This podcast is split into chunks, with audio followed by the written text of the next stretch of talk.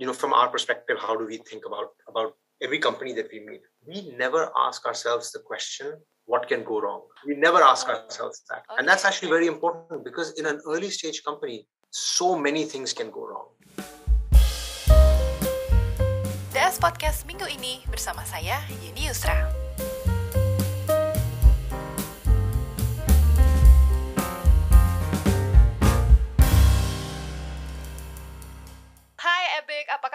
How are you? hey, Yeni, I'm very good. How are you? So before we dive in into the conversation, and I think most of the viewers is really excited about uh, Sequoia. Maybe you can uh, explain yourself. Uh, what is Sequoia, and what is your uh, role in Sequoia? Yes, of course. Um, hi, everybody. My name is Abhik Anand. Uh, I'm one of the partners at Sequoia. I'm sitting right now in Singapore.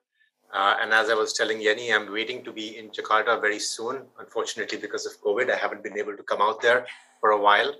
Uh, but uh, you know, I've been at Sequoia now for nine years, five of them in in Singapore, um, in you know helping us build out our Southeast Asia business. I know that some of you founders may have you know met us before, spoken to us before, but for yes. folks who have not, you know, Sequoia. This is a very special year for me to be having this conversation because this year Sequoia is going to finish 50 years of our of our business. So this is wow. the 50th year anniversary for Sequoia. It's a really big year for us.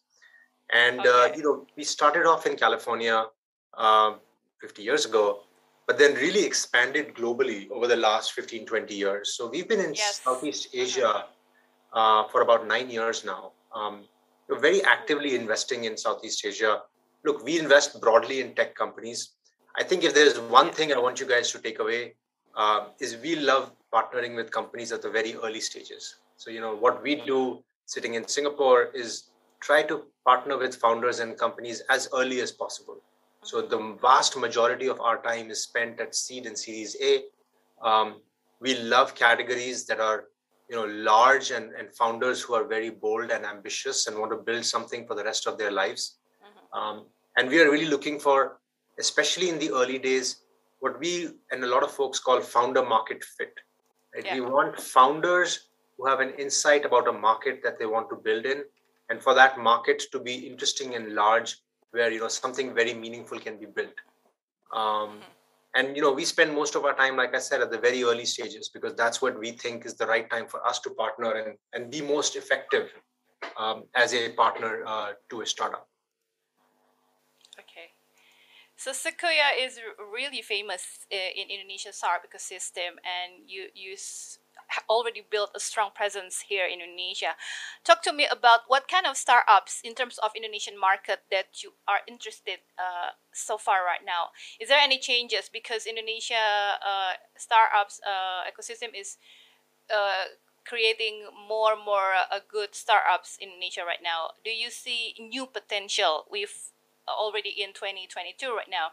Uh, is it still the same in terms of the startup category for Indonesian market, or do you do you have a new kind of category for Indonesian startup? Yeah, you know, so that is a, a question which you know it's a little hard for me to answer because you know what we've realized is that founders come up with interesting businesses in all sorts of categories. Right. I'll give you a few examples. You know, we spend all of our energy on on tech companies Okay. So I would say the majority of companies that we partner with are broadly tech businesses in either consumer internet, financial services, B2B software, or more recently in crypto and Web3. Mm-hmm. That is probably 80 90% of the companies that we partner with. But then every once in a while, we meet a fascinating company in a category that is not one of these four. For example, yeah. we recently invested uh, in eFishery in Indonesia. Yes. And uh, an amazing business built by an amazing founder.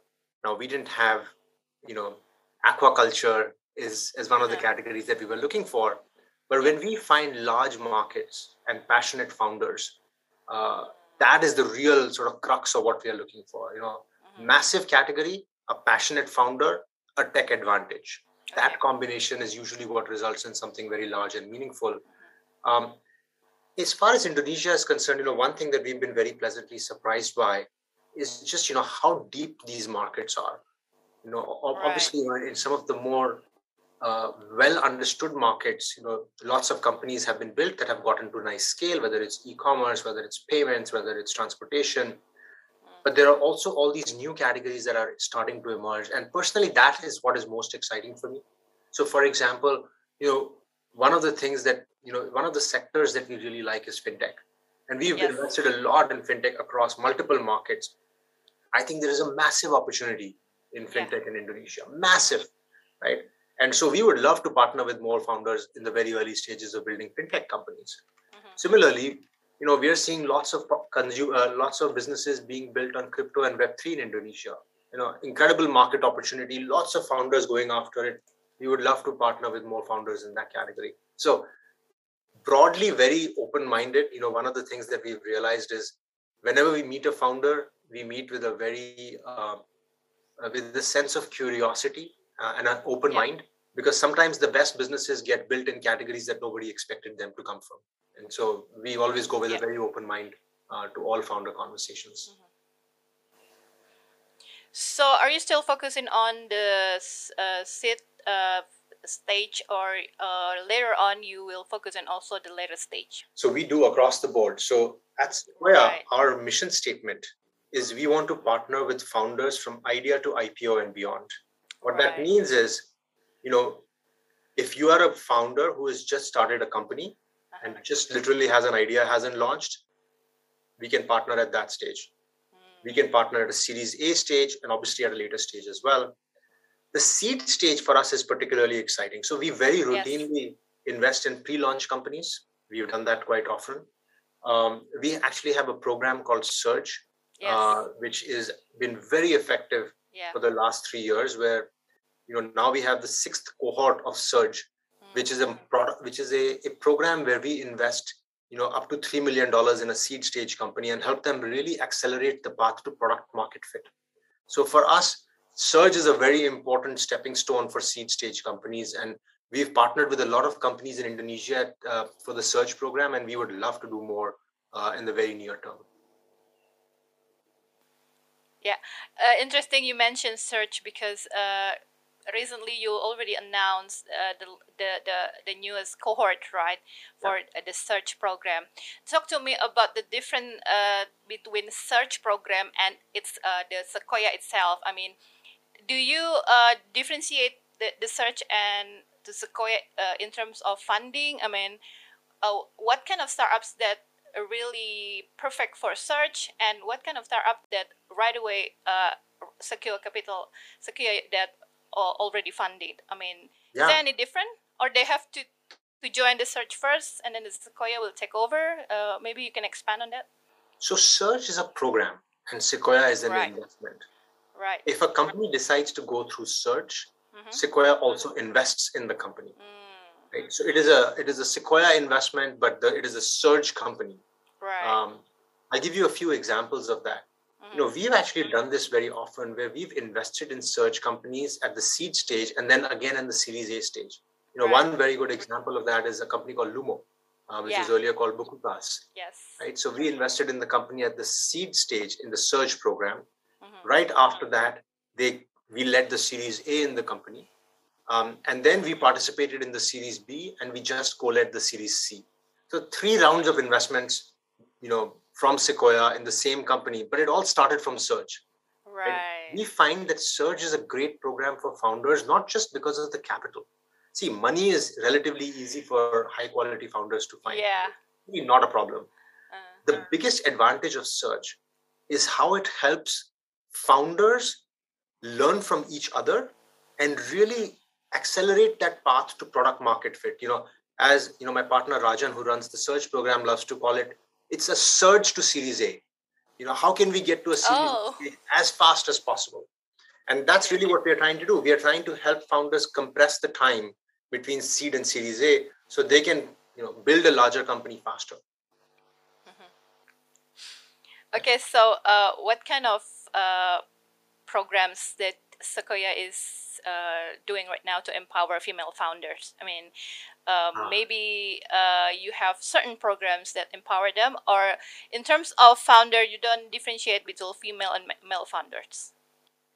So Yeni, actually, that's I'm glad you asked this question. Um, okay. This is something that we are actually very uh, committed to uh, and very serious about. I'll give you one right. example of the way we do it. You know, we mm-hmm. launched a program called Spark. Um, right. Spark is a program that we launched. You know, actually, in a in a in a very early form, uh, maybe a couple of years ago. It basically all it did was it helped.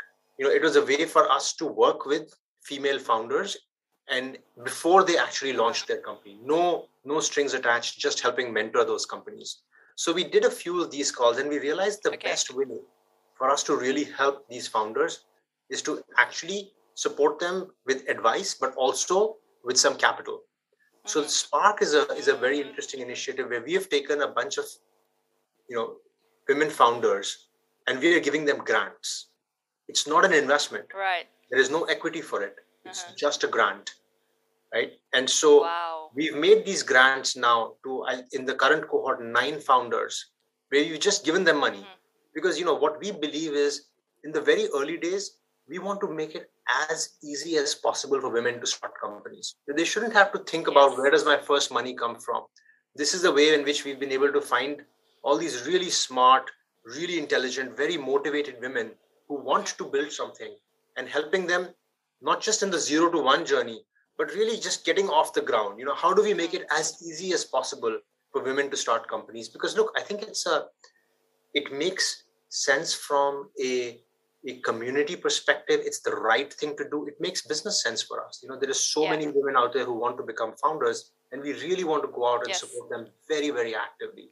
So spark is one initiative that we've done.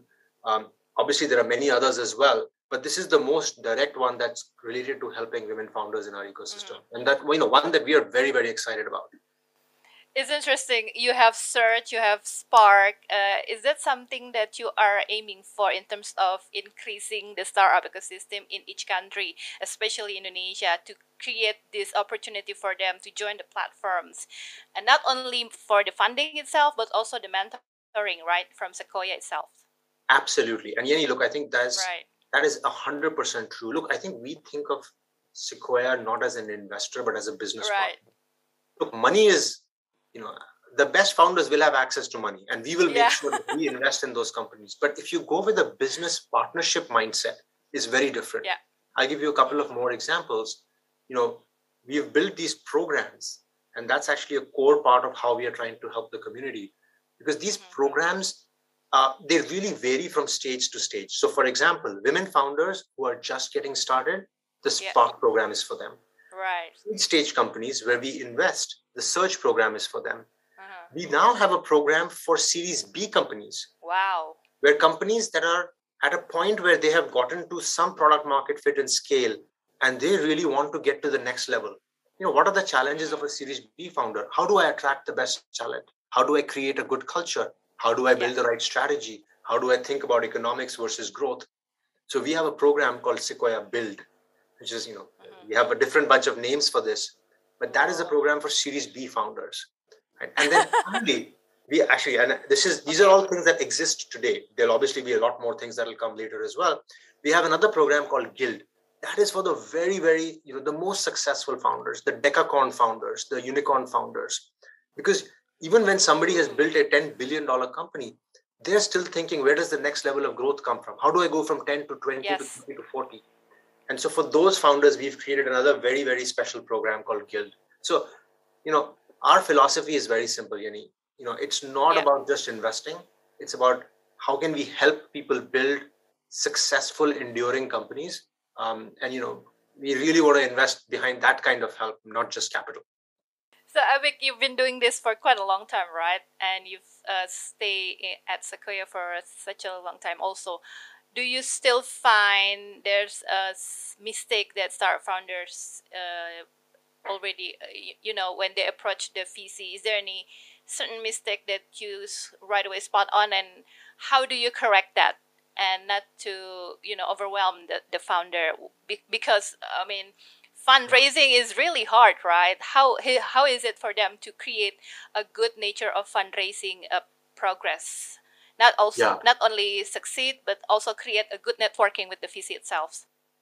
Yeah, yeah, Yeni. Look, I think it's a that is a very good question. We can talk for a long time about it. I, let me tell you a few things that I think are very important. No, it's true. You know, there is so much okay. complexity and nuance to fundraising. It could take, you know, it's a very, it's, a, Yeah. it's an art.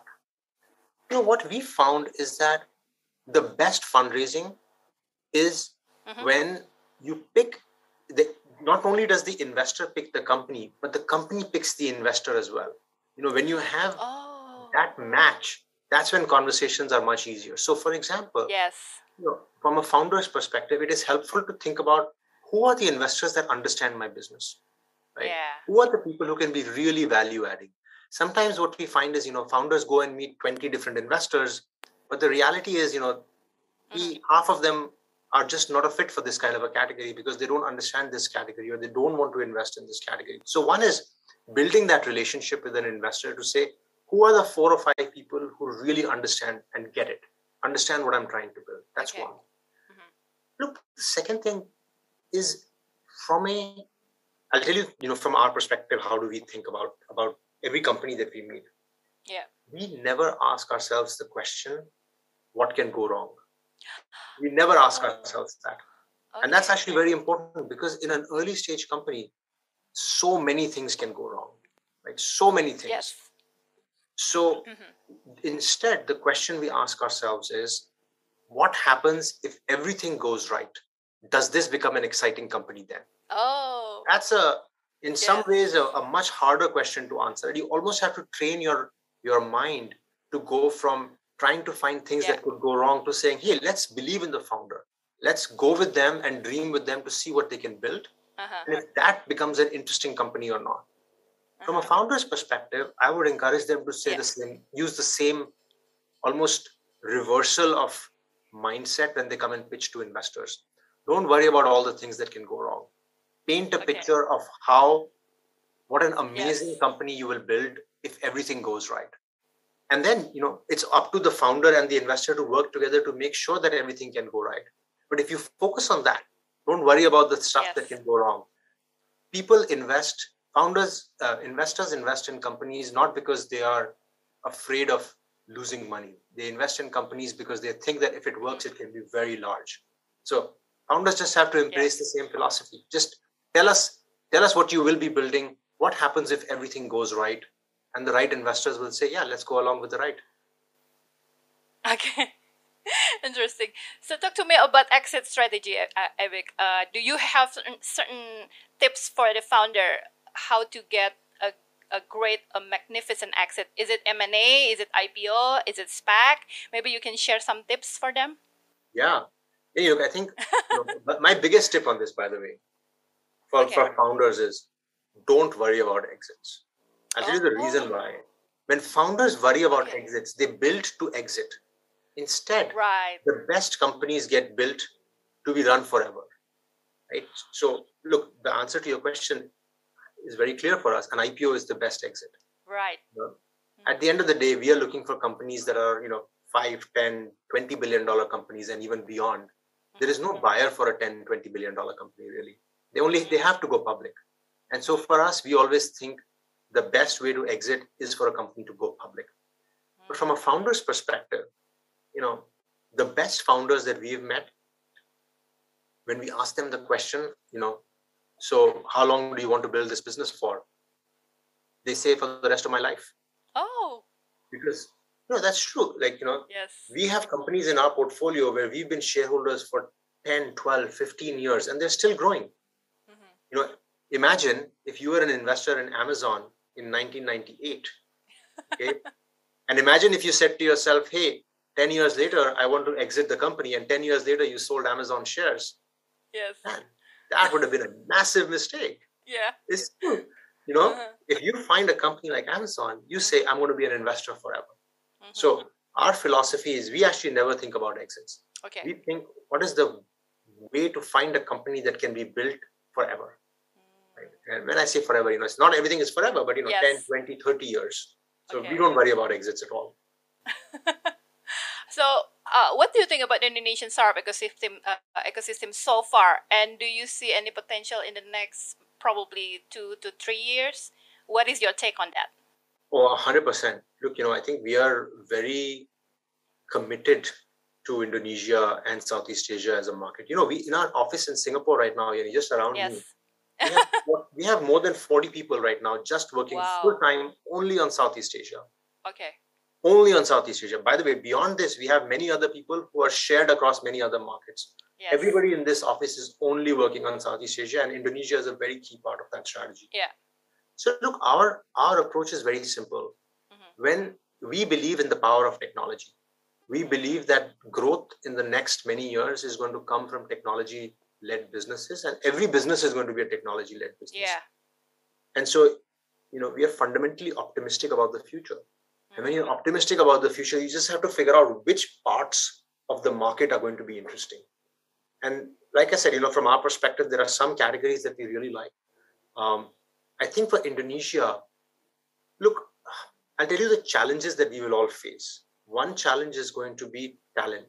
How do we make sure we we attract the best talent? That that challenge is going to solve itself because look, young people who are graduating from college, all of them now want to work at startups Yeah. because they are seeing that that's where the future is. Yes. So the talent problem will solve itself. The market is going to keep on expanding.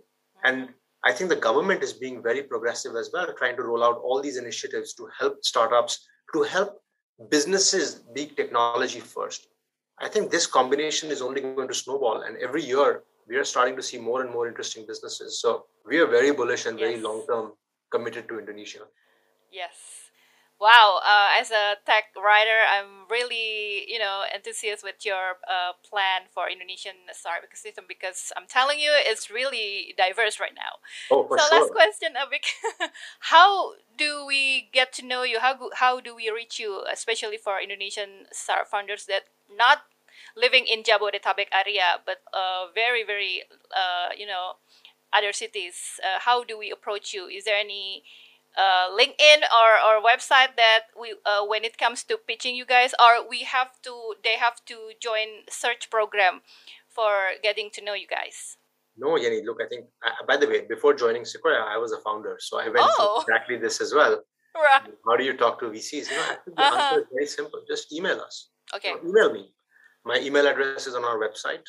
Just email me. Um, Yes. you know what we find. uh, So, so that's the simplest thing. Yeah. By the way, there is a better way to do it, Mhm. which is go through somebody who knows people at Sequoia. Right. Referrals always help. Um, Yeah. that being said, look, all of us are. There's a reason our email addresses are on the website. My email address, by the way, is my first name dot my last Uh-huh. name at sequoiacap.com. Any any investor can email me. I would love to meet more founders. Sorry, any founder can email me. I would Yeah. love to meet more founders. We are going to be in Jakarta again in the next few weeks. Uh, we'll set up some events, try to meet more Yes. people. Really looking forward to spending time with, with founders in Indonesia. yeah. Maybe after this, uh, all the startup founders can, uh, you know, reference this conversation. I- I've known you from Daily Social, from the discussion. Perfect, perfect. That would That's a good recommendation, right? Yes, indeed. Thank you, Abhik. Thank you. Terima Have a good day at work, okay? DS Podcast minggu ini bersama saya, Yeni Yusra.